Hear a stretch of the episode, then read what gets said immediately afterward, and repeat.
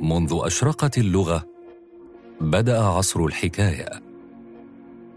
روينا لكم في بودكاست لحظة من الجزيرة حكايات وحكايات.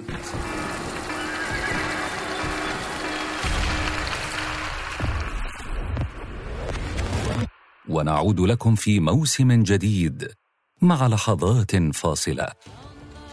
لحظات رسمت معالم التاريخ. نقص عليكم فصولها ونحاور من عايشها ودرسها. بودكاست لحظة من الجزيرة بودكاست. نسمع صوت الماضي لنتخيل المستقبل. اشتركوا معنا ليصلكم كل جديد.